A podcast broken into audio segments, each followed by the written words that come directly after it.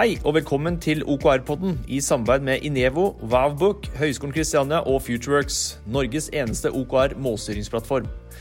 OKR-podden er for deg som er nysgjerrig på OKR og ønsker å lære mer om mål og virksomhetsstyring. Vi eh, vil diskutere alle aspekter og utfordringer knyttet til OKR. Og du vil få en god blanding av diskusjoner, intervjuer med folk som har praktisk erfaring med OKR. Abonner på OKR-podden i Apple Podcast, Spotify eller der du hører på podkast. Og om du har spørsmål eller eh, andre tanker og refleksjoner, gå inn på OKR-podden og kommenter.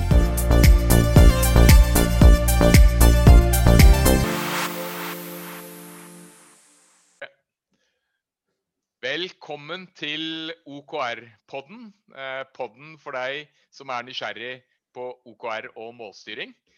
Eh, jeg heter Carl Philip Lund, jobber i Nevo og på Høgskolen Kristiania. Og sammen med meg i dag så har jeg Kim Leidan, og dere kjenner meg fra Futureworks.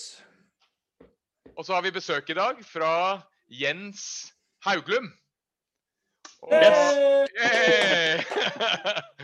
Så da egentlig bare kjører vi på med en gang. Hvem er du, Jens? Ja, hvem er jeg? Jeg er en uh, blid trønder, som dere hører av dialekten. Altså, jeg ble født i Trondheim, uh, levde mine fire første år der, så jeg skal ikke skryte på meg at jeg noensinne har snakka trøndersk. Uh, så Ellers oppvokst på Kolbotn. Jeg skulle bli musiker. Det var det jeg drømte om. Det ble aldri noe av. Det er jeg for så vidt glad for i dag, for det er et tøft yrke, i hvert fall nå i en pandemi. Men det endte jo da med å bli ingeniør, og så økonom, og så til slutt endte jeg i Finn.no. Ja, og der er du i dag. Ja. ja. Spiller du noe instrument i dag, da? Du, da, det er en av mine virkelig dårlige samvittigheter. fordi at jeg har brukt 15-16 år av livet mitt på det er trompet som er instrumentet mitt, som jeg skulle prøve å lære meg. Og så er, er det lagt på hylla, rett og slett. Ja, Så trist. Ja, det er det. Jeg skulle gjort noe med det. Ja. Så vi ser, deg ikke på, vi ser deg ikke på 17. mai i gaten, altså? Akkurat det der, det er jo sånt, en sånn del av uh, si, musikerlivet mitt. Uh, det er mange som har et anstrengt forhold til korps. Ja. Og det har jeg fått etter at jeg fikk litt avstand. Så begynner jeg å forstå hva det anstrengte forholdet handler om. Så, så det Så bra. Jeg kommer, ikke, jeg kommer ikke tilbake dit. Nei, så bra. Den, denne denne podkasten handler jo om eh, målstyring og OKR. Hva slags forhold har du til målstyring og OKR? Når er det du begynte liksom å tenke på det? Eh, veldig godt spørsmål. Jeg kan sikkert dra det helt tilbake til hvordan er jeg som person. Men jeg tror jeg er både ambisiøs på mine egne vegne og liker å sette meg mål sånn for hva jeg selv skal oppnå. Eh, så det er vel eh, kanskje noe som har hjulpet meg når jeg skal drive med det her i, i proft eh, også. At man har en sånn egeninteresse, at man ser hva det i hvert fall for en egen del beveger når man snakker om å sette seg mål. Hvilke krefter som blir frigjort. Og så har jeg vel egentlig sånn i Finn holdt på med dette siden 2014. Ja. Sånn, I den reisen vi har hatt der. Og så før det så har jeg fuska litt i faget og gjort meg erfaringer som alle gjør med hva som er gode og dårlige mål. Men det er liksom fra 2014 som jeg vil si at jeg har jobba med det her ganske strukturert da, i Finn. Ja, hvordan, hvordan, var liksom innføringen, eller hvordan fikk du høre om OKR? Uh, Finn har egentlig vært jeg begynte i Finn i 2012 og har vært ganske målstyrte målstyrt i den forstand at jeg er opptatt av å, å, forstå hva slags effekt de produktene vi lager har for folk. Og Da er jo det også en inngang på målstyring. Det er at Hvis vi skal øke bruken, eller sånn, så er det eh, både gode indikatorer og også gode mål vi kan sette i, i sammenheng med det. Så, så, sånn sett så hadde vi en målstyring og gjort det på ulike måter i Finn. Eh, OKR kom nok mer inn fra siden ved at Schibsted, vår eier, eh, hadde begynt å snakke om det. Og Før det så hadde vi etablert et, eh, noen begreper i Finn som vi kalte ambisjoner og mål som egentlig er det samme som objectives og key results. Så da vi fikk OKR inn fra sidelinjen, så hadde vi på mange områder allerede kjørt opplæring og kursing i Finn i de begrepene. Så det vi trengte å gjøre, var egentlig å, å prøve å koble de sammen, så at ikke OKR ble noe nytt, fremmed, rart, men bare ja, dette er det vi driver med. Så det heter OKR på engelsk, og så heter det ambisjoner og mål på norsk. Og så fortsetter vi som vi gjør. Ikke det er ikke noe, ikke noe skummelt. Så hvordan er det dere gjør det når dere liksom Finn har jo eksistert siden 1990, er det 1995 eller 97 kanskje? 98? Ja, som et prosjekt i Aftenposten, og så som selskap etab ble etablert i 2000. Ja, og så, og så legger dere jo Dere har jo antageligvis en, en strategiprosess. Den, hvor ofte er det dere reviderer strategien, og hvordan er det dere går fra eh, strategi eh, ned til liksom, operativ mål og målstyring? Hvordan er den prosessen? Hvordan, et årshjul eller et toårshjul, eller hvordan er det det ser ut hos dere? De siste hva skal vi si, tre i hvert fall, årene så har vi, har vi uh, hatt uh, og uttalt ganske tydelig at vi har en veldig iterativ strategi. Dvs. Si at vi ønsker ikke å ha noen sånne faste eh, si tre- eller femårsstrategier som noen selskaper har. At man definerer en tidsramme. Mm. Um, men i praksis så, så, tar vi en runde innom litt mer sånn, dypt på vår strategi årlig. Ja. Uh, så da, da, er det liksom, rammen rundt. Vi ser på trender, ser på konkurransesituasjonen og det som man typisk gjør i en strategigjennomgang. Men det er, ikke, det er ikke noe annet enn justeringer, og eventuelt uh, pivoterer vi eller endrer vi hvis det er noe behov for det. Uh, og så er det sånn at vi prioriterer kontinuerlig. Så det vil si at De målene vi setter, de som kan sies å være OKRs, de ønsker vi å frikoble fra de årshjulene eller kvartalshjul eller halvårshjul. Det, det, kan i prinsippet skje når som helst. Ja. Uh, og jeg tror det har faktisk vært en sånn veldig bra syretest nå, når koronaen traff i mars det var at de aller fleste selskaper med årshjul, og hvor alle seremonier er kobla inn mot at det der er vi ferdig med liksom på høsten. Og fra januar så kjører vi full pakke. Hva gjør du da i mars, når du står overfor en totalt ny virkelighet? Mm, mm. Og For oss så var det egentlig ganske greit, fordi vi har allerede innarbeida en kontinuerlig prioriteringsmekanisme som gjør at da snur vi oss, og så er det ingen som syns det er rart. Det er ikke sånn Oi, herregud, nå har vi jo akkurat blitt ferdig med alt det vi mm. og Hva gjør vi nå, liksom? Når vi endrer oss i mars, det har vi aldri gjort før. Vi endrer oss jo bare først i første. Uh, Men kan, kan, kan, ikke, du lede oss igjennom liksom hvordan når dere, dere gjør jo årlig, eller dere, dere har en årlig greie. Hvem er det som gjør researchen? Hvordan gjøres den researchen? Hvordan presenteres den? Hvem er det som er med de, på de store linjene? Hvordan involveres organisasjonen? Eh, hvem er, hvem er det som fasiliterer det? Vi har et eh, I Finn så sier vi at suksess måles i markedsplassen. Mm. Altså det som brukerne og kundene våre til syvende og sist uh, gjør og bruker oss til og får av verdi, det er jo det som er vår suksess. Er jo, og den kan vi måle gjennom brukerengasjement og ja, de, de, indikatorene som jeg nevnte litt, nevnte litt kort i sted òg. Vil si at de strategirevisjonene tar utgangspunkt i er det noen markedsplassene på Finn, og da er det jobb, torget, eiendom og motor da, i størst grad, har de sett noe som er annerledes. Og Da er det jo de som er ansvarlig for markedsplassen, eh, for der har vi da en egen produktdirektør per markedsplass, mm. som egentlig sitter med hånden på rattet når det gjelder det å forstå det. Mm. Så kan det hende at uh, det også i tillegg er noen trender som treffer på tvers av alle markedsplassene som, som, vi også må ta en tur innom. Og Da har vi en egen uh, gjeng med forretningsutviklere som jobber Finn sentral, som jobber mer på tvers, som, uh, som holder i det. Mm. Uh, og en strategidirektør i Finn som, som måtte ha eierskap til det. Mm. Dette bruker vi typisk liksom, perioden fram til sommeren på. Og så er den store sånn, signeringen på at dette ser fornuftig ut hvis vi må ta et veivalg eller endre noe, det er styret til Finn. Og Styret til mm. Finn består av eieren vår Schibsted og også mm. noen andre representanter. Men, men Schibsted eier jo i prinsippet 100 av eh, Finn. Um, så da er det liksom der hvor den diskusjonen eh, lander, etter at vi har gjort disse undersøkelsene som markedsplassen i stor grad sitter i førersetet for. Så, så, da presenterer eh, disse produktdirektør, eller produkt, markedsplasssjefene i ja. styremøtet, eller er, det en, eller er det én person som tar det på vegne av eh, markedsplassen inn i styret? De siste årene så har vi gjort det sånn at markedsplassene selv presenterer. og, det, og også, Da får du innsikt direkte fra kilden på mange måter, og så mulighet for å stille spørsmål og få avklart hva er det egentlig dette handler om. Så, så det tror jeg har fungert bra å ha de og så Da sitter styret og diskuterer det, og så Eh, har de, gjerne, har de fått en anbefaling, eller er det styret som da får et par alternativer å velge mellom? Noen ganger kan det være det. Ja, mm. men, eh, men, ofte er det, hvert fall, det er alternativer, men med en anbefaling. Så Stort sett så er det styremøtet en, eh, en god diskusjonsarena, men i stor mm. grad så er det, så er det liksom det, det, det anbefalingene det blir. Da. og, og, da, og da når det har blitt liksom godkjent i styret, så hva er prosessen videre da? Da har vi gjerne en sånn litt breddeinvolvering i etterkant med hele Finn.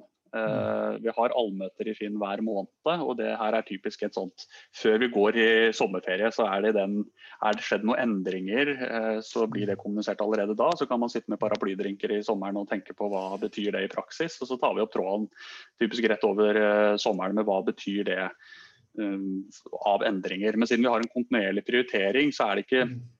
det er ikke sånn at det da kommer én felles utmelding av alt dette betyr det. Da blir det liksom, Hvis noen ser det veldig tidlig av markedsplassene eller de som har ansvar for å prioritere, så, så får de det på plass egentlig så fort de er klare for å prioritere det. Hvis noen mm. trenger mer tid til å kanskje ettergå, konkretisere og sånn, så gjør de det. Og så prioriterer de på det tidspunktet de kjenner at de er klare. For da får vi i hvert fall best mulig kvalitet inn i prioriteringen av det vi gjør, enn at de alle må skynde oss til en milepæl som for noen eh, gir mening, men for andre blir veldig hastig. Da. mm. Så da, da, er liksom strategien litt grann, den, er, den, er flyt, eller den flyr jo litt gjennom året, men, men hva er liksom når, når styret og organisasjonen har funnet ut ok, dette gjør vi, hvordan er det det liksom transformeres inn i målstyringsprosessen for teamene, de ansatte, på tvers av teamene? Hvordan, hvordan gjøres det? Ja. Vi har markedsplassene, eller alle uh, Fint ledergruppe har en forretningsplan med mm. indikatorer og, og måltall. Uh, de vil jo også uh, funke som et sånt utgangspunkt for prioritering. Hvis man ser gap på en av disse indikatorene, som kan være besøk til Finn eller markedsposisjon eller ting som også er gjenstand for her må vi prioritere, her må vi gjøre noe med, her må vi rette opp noe så er det også litt sånn uavhengig av strategiprosessen. Men når det gjelder mm. strategiprosessen, så er det allerede eh, en tenkt ambisjon, altså et objektiv, som markedsplassene mm. har tenkt på. Når de har lagt mm. fram eh, sin plan, så har de også vært tydelige på hvert fall det langsiktige objektivet. Så det som skjer etter det styremøtet, er at markedsplassene tar ansvar for å prøve å stykke det opp i mindre deler. og da Typisk snakker vi kanskje om en tre måneders horisont. Mm. Så Da definerer de basert på det langsiktige et mer eh, kortsiktig objektiv eller ambisjon eh, med noen tilhørende mål. Mm. Eh, og så er det det som prioriteres eh, og settes på priolista. Mm. Okay, så, så, når de presenterer, eh, når de sjefene for markedsplassene presenterer i styret, så har de allerede formulert eh, sin presentasjon inn mot et sånn ambisjon og mål-opplegg? Ja. Er det, er det, noe som er liksom veldig innarbeidet i styret, sånn at styret forventer det? Eller kan det være at noen markedsplasssjefer presenterer det på en litt annen måte? Jeg prøver å strømlinjeforme litt, og der har vi nok bare siste år også gjort en del endringer på det. må være enda mer konkret på hva betyr det i praksis. For disse, disse overordnede objectives, ambisjoner, de kan jo gjerne være veldig langt uh, inn i fremtiden. Mm. Uh, men det å både tydeligere hva betyr det når vi står der da, en gang i fremtiden, hva vil vi si er uh, en god hvordan, hvordan, kan vi sjekke av at denne ambisjonen er nådd? Mm. Eh, det skjer da, det er det som leveres inn til styret. Og så Noen ganger så er det også konkret på hva det vil si på det korte. Eh, mm. Men der er det stor variasjon hvor langt man har kommet i det arbeidet. Mm. Interessant. Hva, hva, mener du er liksom, når, når, når, styret har godkjent og kommet i gang, hva, hva, mener du er de viktigste prinsippene i OKR målstyring? Eller i, mm. hva er, hva er liksom, hvorfor funker det? Jeg synes det er veldig interessant. Den der, vi hadde jo litt innledende prat her om hva, er, hva vil det si å lykkes uh, med målstyring. og jeg tror nok Litt ut ifra hvor du sitter, så har du forskjellige svar på det. Mm. For Noen virksomheter tror jeg at har som våt drøm at det OKR handler om, det er at alt skal henge sammen med alt. Mm. Og Ledergruppa sitter på toppen og liksom har joysticken og litt her, litt til venstre. og Så, så sildrer det enda nedover, og så er det en sånn veldig fintuna maskineri. Det er ikke vårt målbilde. Så For oss så handler det om liksom, å sette eh, fornuftig retning for og Noen ganger kan det være på teamnivå. Mm. Noen ganger kan det være på Finn-nivå. Noen ganger kan det være på avdelingsnivå. altså vi har ikke noe mm. sånn, det er ikke sånn at alt med henger sammen med alt. Mm.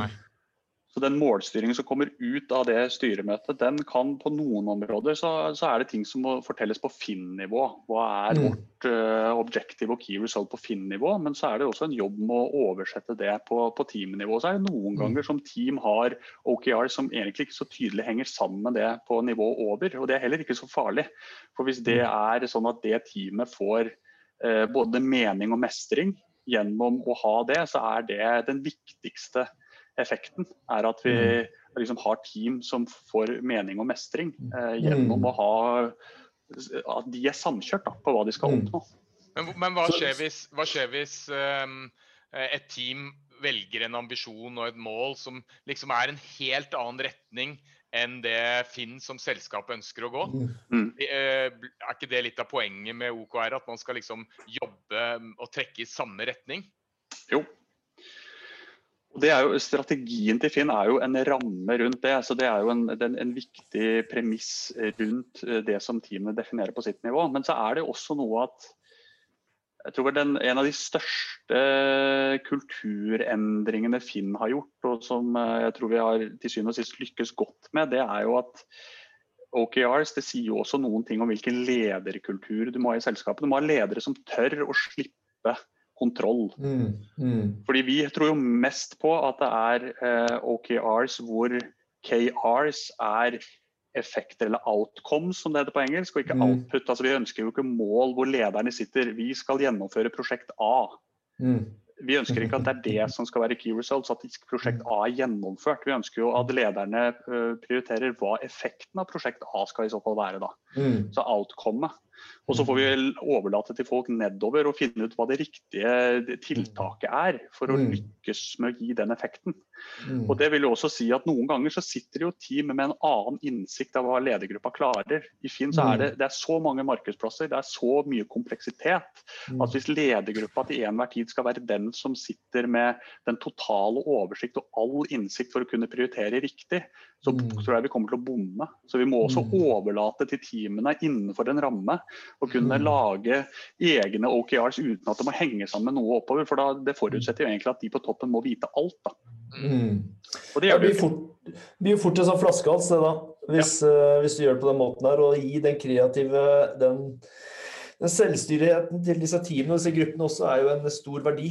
Eh, både følelse som du sier mestring og mening, og du har en eh, påvirkning på din egen arbeidshverdag. Eh, og det, å ha ledere da som, som er, kjenner seg trygge på det og delegere det ansvaret videre ut i organisasjonen, er jo helt fantastisk.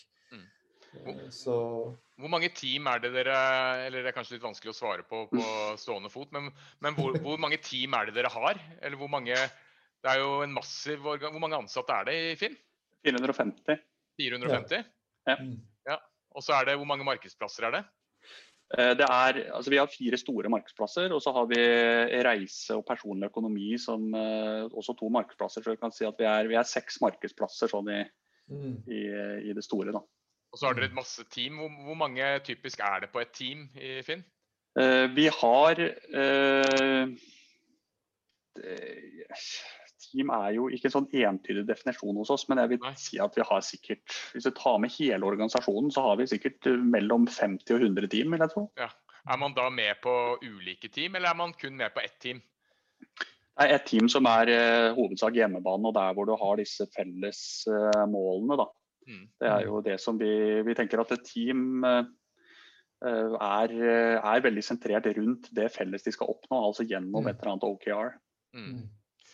Men, Carl Carl Philip snakker om noen prinsipper her. nå, ene prinsipp som jeg forsto deg eh, på i stad, var jo det at alle i organisasjon trenger ikke ha noen OKR-er. Det er sånn i forhold til hvordan det passer best inn i organisasjonen. Men samtidig, hva vil, hva vil du si har vært noen av de fallgruvene eller de ja, fallgruvene som du har opplevd gjennom OKR-prosessen i Finna? Mm. Det har liksom vært én eller to eller tre stykker som er en sånn major, som kan være verdi for lytterne å ta med seg. Ja. Vi startet jo på et eh, tidspunkt og prøvde å ha en sånn her, eh, litt alt henger sammen med alt-tilnærming. Det så vi at det, det fungerte ikke så bra. Vi fikk ikke det helt til. Så den Mm. eh, forlot vi gjennom, gjennom det. Mm. Eh, det andre var jo at vi, vi, fant ut at det med begreper og hva du legger i begreper, det må man også være samkjørt rundt som organisasjon. Så vi etablerte jo ganske tidlig noen egne målstyringskurs. Vi. Så vi har en, en, avdeling i Finn som har laget egne målstyringskurs som nå alle i Finn som begynner i Finn er på, så at vi får et felles begrepsapparat. Der snakker vi om uh, ambisjoner, vi snakker om mål, vi snakker om prosessindikatorer, resultatindikatorer, hva er et mål? Altså, alt dette som skal prøve å være begrepsapparatet. Så vi i hvert fall ikke har diskusjoner om det, men at vi mm. kan heller fylle det med mening. Altså, da kan vi heller mm. lage målene enn at vi diskuterer om hvilken type Var dette prosessmål eller resultatmål eller mm. Så Det har også vært viktig, at vi får en, eh, får, får, eh, får en, organisasjon som forstår hva dette er også i praksis, og være konkrete på eksempler på hva det er og ikke er. Ja, Det er jo interessant. Vi, hadde, vi, hadde, tidligere besøk av en som jobba i Google. Eh, på ja. gulvet i Google i Irland. Og da vi spurte han liksom hvordan han som en av gutta på gulvet oppfattet OKR, så, så titulerte han det med liksom Ja, jeg hadde ikke så veldig godt mye forhold til det. Det var mer OKR-kverna. Det var noe som var en selvfølge. Det var noe som alle måtte gjennom. Og han følte at det var litt av den byråkratiske prosessen. Men mm. alle visste hva det var, og visste at de måtte gjøre det. Ja. Så, så, hvordan er det det fungerer eh, på liksom medarbeider, eh, lederplan? Er det mm. noe, hva slags rutiner er det dere har på oppfølging. Av, eh, av OKR fra team til ledere til, og, og, på teamnivå? Ja. Så vi har jo noen, vi har noen lederprinsipper i Finn. og det ene, eller De to prinsippene som vi definerer som god ledelse, det er tydelig og ivaretagende. Mm. Og Det er liksom de to tingene du skal kunne krysse av på lista for å være en god leder i Finn. Uh, og i tydelighet så ligger det jo da verktøyet for det, det er uh, eh, OKRs. Ja. Mm. Så, det er, så, Forventningen er at du skal være tydelig som leder, og tydelig som leder er at du skal, på, på, de du har ansvar for, kunne uttrykke det. Og så er jo dette her en ting som man gjør sammen. Det er jo ikke sånn at lederne sitter på på, på uh, sitt for seg selv og definerer de, og så står der og proklamerer dette er OKR-ene for neste kvartal eller halvår. Det er jo en, mm. team, en teamarbeid for å nettopp skape den samkjøringen rundt hva man skal prøve å oppnå. Og diskusjonen ikke minst mellom de. Så, så, sånn sett så er dette her noe som alle ledere i Finn uh, skal gjøre, rett og slett. Uh, og, og, Siden vi da ikke har som mål at alt skal henge sammen med alt, så er ikke lederjobben å sørge for å koordinere og knytte, men det er jo å sørge for å lage gode, meningsfylle uh, ambisjoner og mål innenfor den rammen som f.eks. strategien er. Uh, så, så, det er mer at det er en, en, jobb som forventes at lederne gjør, ikke koordineringen, men at teamet får noe som de opplever er meningsfylt og som gjør at de står opp om morgenen. Så, hvordan er prosessen rundt det? Sånn, eh, nå har styret blitt enige om, markedsplasssjefene har presentert for styret. Styret har etablert at sånn, den retningen går vi. Vi har fleksibilitet underveis. Ja. Eh, teamene, eller lederne går ut til teamene sine. Og hvordan er det de kommuniserer det som har blitt besluttet, til teamet? Og så vet jeg at det er en iterativ uh, ja. greie. At det ikke skjer ja. kanskje alt på samme tid. Det er ikke liksom som skolen hvor du er, nå er det ferdig med et semester, og så det, får du karakter, og så går du videre til, så er det sommerferie, og så går du videre til neste. Men hvordan er det det fungerer i Finn? Er jo da når, eh, er litt, Den er nok litt viktig, den eh, kommunikasjonen som skjer etter det styremøtet. hvert fall Så man vet hva som har skjedd der. og Det som i hvert fall skjedde nå i uh, sommer, var jo at uh, på tross av en uh, krevende situasjon, mm. så har Finn synliggjort at vi er et vekstselskap. Det har vi fortsatt ønske om å være. og Det gjør at innovasjonsmusklene våre fortsatt skal være veltrimmet. Og Vi fikk tilslutning fra styret om å egentlig gasse på ytterligere. Vi fikk som rammer til å kunne både ansette budsjettet. og ja, det, det, var ikke noen nedskaleringsøvelse, det var en oppskaleringsøvelse. og Det var jo viktig for organisasjonen å forstå. Mm. Så Det er liksom den hovedkommunikasjonen. Og Så er det da opp som du sier, til markedsplassen å tydeliggjøre hva er det, hvilke initiativer er det vi egentlig har fått tilslutning til. Mm. Dette her er liksom det store bildet. Dette her er det vi skal oppleve når vi kommer dit om ja, hvor mange år nå enn det er. Og Så begynner den iterative prosessen med å tydeliggjøre hva er dette her f.eks. de neste tre månedene. Mm. Og Det er jo noe som markedsplassene tar et ansvar for innenfor det som, som de ser at de initiativene de har ansvar for, eh, mm. må være. På f.eks. en tremånedershorisont. Mm. Så er det noen av de som påvirker eksisterende team. Noen mm. medfører at vi må etablere nye team. Og Da er jo jobben å få satt de teamene i gang. Eh, basert på de kortsiktige ambisjonene og målene som vi har satt. da. Mm. Men for de eksisterende teamene så, så, blir jo det å da bedre forstå hva er det vi da de neste tre månedene må levere på for å støtte opp under den suksessen som markedsplassen skal ha. Mm. Og Så kan det hende at noen av de løser disse eh, ambisjonene og målene på to måneder. Noen bruker fire måneder. Men det er da greit. og Da er vi da vi igjen i den kontinuerlige prioriteringen. Da blir det ikke én fast tre måneders eller kvartalsvis eller halvårlig prioriteringsmekanisme. Da blir dette her bare noe som, som rusler og går på en måte i, i det, i det, det, det tempoet det trenger, fordi det er stor variasjon i hvor komplekst og stort disse ulike tingene er. da. Mm. Men kjører da, ti, teamene liksom én gang to måneder, og så plutselig kan det bli fire måneder til neste gang? Sånn at ikke, er, det, er det noe rytme på det, eller kan det også bare flyte litt ut, avhengig av uh, situasjonen? Altså til, til, til, størst grad så har eh, den, den, største delen av Finn, kjernen av Finn, som driver med både forbedring av det vi har, men også noen av disse løftene som vi har fått tilslutning til, de, de har én prioriteringsliste i Finn de forholder seg til. Og nå har vi mm. akkurat gjort en justering av den prioriteringslista, og på den prioriteringslista så står det OKRs. Mm. Så på den lista så står det en ambisjon og noen indikatorer eh, og måltall for sånn ca. tre-ish måneder. Vi tror at liksom omfanget på å løse dette, oppnå dette, det er ca. tre måneder. Men det kan mm. være to, og det kan være fire, og det kan være fem mm. sikkert. Mm. Eh, men det vi i hvert fall gjør, er at vi hver tredje måned da eh, tar en fot i bakken. Mm. Og sier at vi skal ikke bare la ting flyte for lenge heller. Da tar vi en fot i bakken og så tenker vi er det fortsatt fornuftig å fortsette med det, eller skal vi stoppe det nå. Mm. Ehm, så sånn sett så er det ikke noe fast rytme. Men hvordan, hvordan følges dette? Følges dette eh, forstår jeg det riktig da, at dere, ikke, eh, dere har ikke noe sånn fast rytme på en sånn ukentlig basis i de ulike teamene for å følge det opp, eller hvordan? Jo, på teamnivå så vil det, det er et godt poeng. fordi det, det er jo sånn at de Sett fra markedsplassen, eh, som ja. er med å prioritere på den prioriteringslista, så mm. har jo de dette perspektivet. Mm. Eh, men på teamnivå så må man bryte dette ned på ukesprinter, så at ja, det gir mening ja. å følge opp på kortere tidspunkt. Så det kjører, kjører sprint opp, sprintrytme på det? Ja. ja.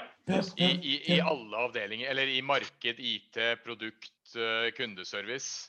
Dette er i uh, hovedsak de teknologiteamene, altså de som sitter og utvikler digitale produkter, som skal treffe på den ambisjonen. Uh, og så er det jo klart det også Eh, OKRs innenfor andre deler av Finn som ikke har utviklere. Mm. Uh, der, er, der, er, det litt større variasjon på, hva, mm. på sprintsyklus og hvordan de gjør det i mm. praksis for å innfri på disse OKR-ene. Men Kjører de OKR i markedsavdelingen, eller er det et begrep som hvis man Jeg har jo vært i situasjoner hvor jeg har spurt folk i, i ulike deler av Google om OKR, og da har jeg fått litt varierende svar. Uh, ja på hvor involverte de er. Men hvordan er det liksom med markedsavdeling, kundeservice, eh, salg? Hvordan Jobber de også med OKR, eller jobber de med noe annet? Ja, Det var, eh, det var liksom tåredryppende nesten. På, vi har da noe som vi kaller utvidet ledergruppe i Finn, som er eh, toppledergruppa pluss lederne i måte, de eh, avdelingene under da, som hver av disse i topp, eller, ja, eh, toppledergruppa har. Eh, og eh, den vi møtes ca. en gang hvert, hvert kvartal. Mm. Og Der eh, var det da nå eh, i etterkant av uh, sommeren og denne styreendringen, så var alle bedt om å justere sine OKRs basert på den utmeldingen, da, det som skjedde i styret. Og Da, da var det rett og slett en deling. Uh, det er 40 ledere som sitter her og deler helt konkret hvilke objectives og key results er det vi har da, uh, for en, liksom en kortere tidshorisont. og Da var det typisk ut dette året. Og da hadde mm. alle det formatet. Uavhengig om det var mm. markedsavdelingen eller HR, eller alle har det. Ja. Og, det og da var det et møte med Var det 40 stykker i møte, og så får hver person fem minutter eller ti minutter, eller hvordan er det det fungerer? Da, de 40 de er da fordelt på, på, Flere sitter i samme ledergruppe på, på nivå 2. Mm, okay, ja. så, så, da var det ikke alle hadde ikke hver sin OKR, sånn sett, men det var uh, typisk det var syv stykker som sitter i samme ledergruppe. og Da var det presentasjon av OKRs for den ledergruppa i en samla? Mm. presentasjon. En av de tingene man hører veldig mye om, er dette med transparens. Mm. At uh, ting og, og, det er jo også mange som sier at uh, hvem som helst i organisasjonen kan gå inn på en slags uh, oversikt over ansatte og, mm. og, se, og team, og se hva slags OKRs og mål hver enkelt og hvert team har. Hvordan mm. er det dere administrerer det i dag? Det, og har det endret seg over tid? Det har det. Og vi har ikke noe 100% transparens på alle de eh, OKR-ene som befinner seg i hele Fint. Det har vi ikke. Eh, de OKR-ene som jeg nevnte i sted, som står på den Prio-lista, som i stor grad treffer produkt- og teknologiavdelingen eh, i Finn, som, som er ja, det er jo nesten ja, 250-300 stykker, så er brorparten av folk i Finn. Da. Mm. Uh, de, de, har da den uh, transparente prioriteringslista med OKRs. Den er også tilgjengelig for alle andre i Finn nå, men det er ikke alle i Finn som er så påvirket av den som produkt og teknologi. Mm. Så, så, der har vi valgt å være veldig transparente på det, men, men, sånn jevnt over i Finn så har du ikke ett sted hvor du til enhver tid har oversikt over alle, nei. Nei, Så dere bruker ikke noe OKR-system, software, programvare? Nei. nei. Det, Hvor er dere har lagret det i Excel, da, eller hva, hvordan er dere har tatt opp da? Det er i stor grad slides. Vi bruker ja. Google-produktene, Google og da er det slides, Google Slides som er ja. ja. Men uh, Jens, bare sånn at lytterne våre blir litt mer litt annerledes kjent med deg enn Jens fra Finn. du har sikkert lest noen bøker opp gjennom livet. Ja. Hva er favorittboka di, og hvorfor? Ja, jeg leser, jeg leser, mye akkurat nå. så har jeg lest mye om amerikansk politikk for å prøve å forstå hvorfor det som skjer over dammen, skjer. Så, det, så, så jeg prøver, prøver å, å, lese mye forskjellig. Men hvis jeg skulle bli tvunget til å ta én bok, så tror jeg egentlig den 'Thinking Fast and Slow' av Kahneman er den som har eh, gitt meg virkelig mye, både som leder, som produktutvikler for å forstå liksom mer om hva, hvordan denne hjernen vår fungerer. Det syns jeg har vært en, en bra og litt sånn eh, livsendrende bok. Ja, så kult. Ja, jeg hadde, jeg hadde et til eh, OKR-spørsmål. hvis du uh, du, vil gå dit, du vil gå dit ved en gang, du. Ja, ja, jeg vil jeg, jeg, Det er jo ferdig med det. Ikke sant? Nei, jeg, jeg tenker hvis, hvis, du skulle forklart uh, dattera di da, på 20 hva, hva, OKR er, og hvorfor OKR er, eller målstyring, hvorfor det er viktig. Ja. Eh, hvordan ville du, du har, Kanskje du har allerede forklart henne det, men eh, ja. hvordan, hvordan ville du forklart det? Jeg tror jeg, eh, Den beste, apropos bok, nå jeg jeg akkurat den 'Jegerånden' til Erik Kristoffersen, vår nye forsvarssjef. Og Han forklarer det jo best med intensjonsbasert ledelse, som Forsvaret har vært preget av i mange år. Altså Som leder så er jobben din å fortelle hva er intensjonen min bak det du skal gjøre. Altså mm. Ikke hvordan du skal gjøre det, sånn, men rett og slett min intensjon, min forventning er dette. Og Det syns jeg kanskje er den enkleste formen å kunne forklare målstyring av OKRs. Det er at Som leder så er jobben din å fortelle hva du forventer eh, av resultat, eller hva intensjonen din er. Og så skal du åpne opp for organisasjonen og finne ut hvordan man skal løse i praksis. Og du skal åpne opp for at det skal være mye handlingsrom der. Mm. Men, men, når du skal forklare det til dattera di på 20, hva sier du da? Nei, det, Da sier jeg det samme. Heldigvis så når du er 20 år, så forstår du såpass mye at det, det, akkurat det tror jeg hun forstår. Ja. Vi får få tilbakemelding fra noen studenter etter hvert. Og så var det én ting til. Eh, av de, en av de tingene jeg husker fra når du snakket på et seminar vi arrangerte, eh, det var eh, at dere hadde en historie om Sofa-Knut. Ja. Og, og, dette med historiefortelling, det er jo noe som gjør at uh, folk husker. Mm. Uh, kan ikke du fortelle historien om Sofa-Knut? Eh, Sofaknut han er den eh, viktigste karakteren i dette målstyringskurset som eh, vi da har i Finn, og som er laget på egen kjøl. Og Grunnen til at vi gjorde det, var at vi, vi fant ut at når vi hadde eksempler fra, fra, egen organisasjon, så ble det alltid noe sånn Ja, ja, men det var jo ikke sånn det var. Eller ja, men dette mm. var jo sånn teknologi gjorde det, men det er ikke relevant for oss i HR. Så da tenker vi vi lager et uh, eksempel som er helt, helt hentet fra utenverden, men som likevel folk kan kjenne seg igjen i. Mm. Så dette er historien om eh, en litt sånn overvektig gutt, eh, Sofaknut, som har, liksom, liker best å ligge på sofaen og har dessverre eh, anlagt seg et liv som er litt bedagelig. Og han har jo gym på skolen. Og Nordbergsprinten det er liksom den store Cooper-testen eller trekilometerstesten som de skal ha da årlig. Og Han er veldig redd for at han skal som fremstår ganske dårlig på den testen. Så, så da er egentlig Sofaknut eksempelet på hvordan gjør du da? Hvordan skal du målstyrt eh, komme dit at eh, du klarer å gjennomføre Nordbergsprinten på best mulig måte. Så da snakker vi om hvordan, du, hvordan typisk ville du ha eh, gjort Eh, det. Hva er egentlig ambisjonen han ønsker å oppnå? Hva, hva, hva Er det bedre liv? Er det å få bedre anseelse blant skolevennene? Altså All den diskusjonen om hva er det egentlig kvalitativt du ønsker å oppnå, det er gode mm. diskusjoner om, rundt ambisjoner. Mm. Altså, hvordan skal vi må... Intensjon? Intensjon. Ambisjon eller intensjon? Hva, hvor... Nei, Der vil jeg si at det er litt sånn glidende overgang mellom ja. intensjon og ambisjon. At det er liksom noe, av det, noe av det samme. Uh, Eh, og så snakker vi om hva er det typisk man ville målt da, hvis man var sofaknut. Er det antall treningsøkter i uka? Liksom tiden mm. eh, kanskje? At du har noen målinger på det underveis? Eh, ok, men eh, Kanskje vi skal ha noen balanserende indikatorer. og Da må vi se på liksom skade. for Hvis han trener for mye, så kan han få belastningsskader. Så, så Da får du diskusjon om balanserte indikatorer, så at du ikke bare optimaliserer i én dimensjon, men prøver å dekke flere. Så, så, vi får gjennom det kurset og den historien og Sofaknut fram poenget med de begrepene vi bruker. Mm. mm. Interessant. Og det har, ja, veldig kult. det har fungert eh, med nyansatte, og folk, folk forstår det? Ja, de gjør det. Ja.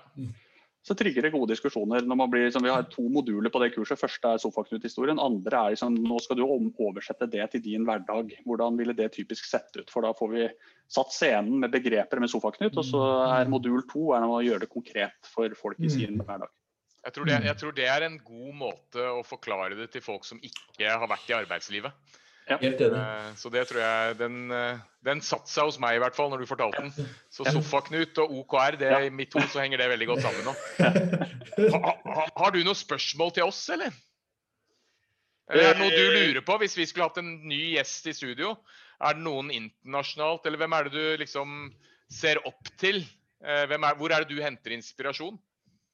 For Det er et av mine spørsmål også. Hvem er, har du noen forbilder? Ja, Eh, retorisk forbilde. Churchill, er ikke det sånn typisk man eh, svarer da, når man har sånn forbildespørsmål? Ja. Så hvis man kunne snakke og tale på den måten og bevege folk på den måten, da, apropos det der med intensjon og ambisjon og lederjobben er å fortelle historier og bevege folk, da tenker jeg han uh, står uh, høyt i kurs der. Ikke sant. Hva med inspirasjonskilder, da? Inspirasjonskilder. Hvor er det du liksom henter uh Sist, hva, hva, hva, inspirerte deg forrige gang, eller hva er den siste inspirasjonsboosten du har fått?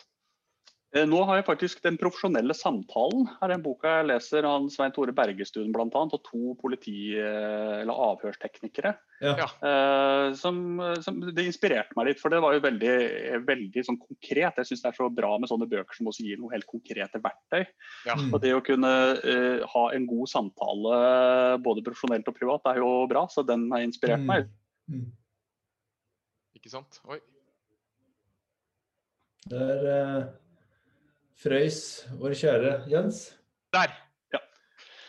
Yes, og så TEDX er vel egentlig en sånn eh, kilde jeg syns er inspirerende. for jeg, Det er jo en av disse historiefortellingene som jeg tror jeg blir mest inspirert av, kombinert med sånne helt konkrete ting. Så jeg prøver å finne inspirasjon uh, både på ja, sånne, sånne, ting som beveger, men også veldig konkrete ting. Og jeg prøver å lese det som ikke nødvendigvis er så mye fag heller. Når jeg nevnte Kanemann, Kahneman, så er det fordi at jeg syns det er spennende hvordan som mm. hjernen fungerer. Uh, uh, lest mye om hvordan liksom, det å feile, hvor lett eller vanskelig er det. For det er også noe vi bruker gjerne som floskler i organisasjonen. Vi må tørre å feile og tørre å endre oss. Men så er det jo noe mm. som ligger veldig dypt i oss biologisk mm. som gjør det vanskelig. Og det er også morsomt og interessant og inspirerende å lese om og forstå bedre.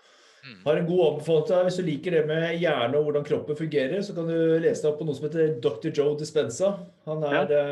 Ganske fremst i det med nevropsykologi og hvordan det fungerer. Hvordan både hjernen eller hodet er direkte koblet til kroppen, og hvordan det på en måte fungerer sammen. Ja. I forhold til det du snakket om da, komfortabel, ukomfortabel, hvordan ting fungerer i endring yes. og alt det der, hele den prosessen der. Så det gir et veldig godt uh, bilde av uh, ja. veldig gode verktøy, også konkrete verktøy. Veldig bra. Jeg... Men fra mer uh, teoretiske bøker og Hva er det siste filmen du har sett, da? Uh, Peanut Butter Falcon. Forklar.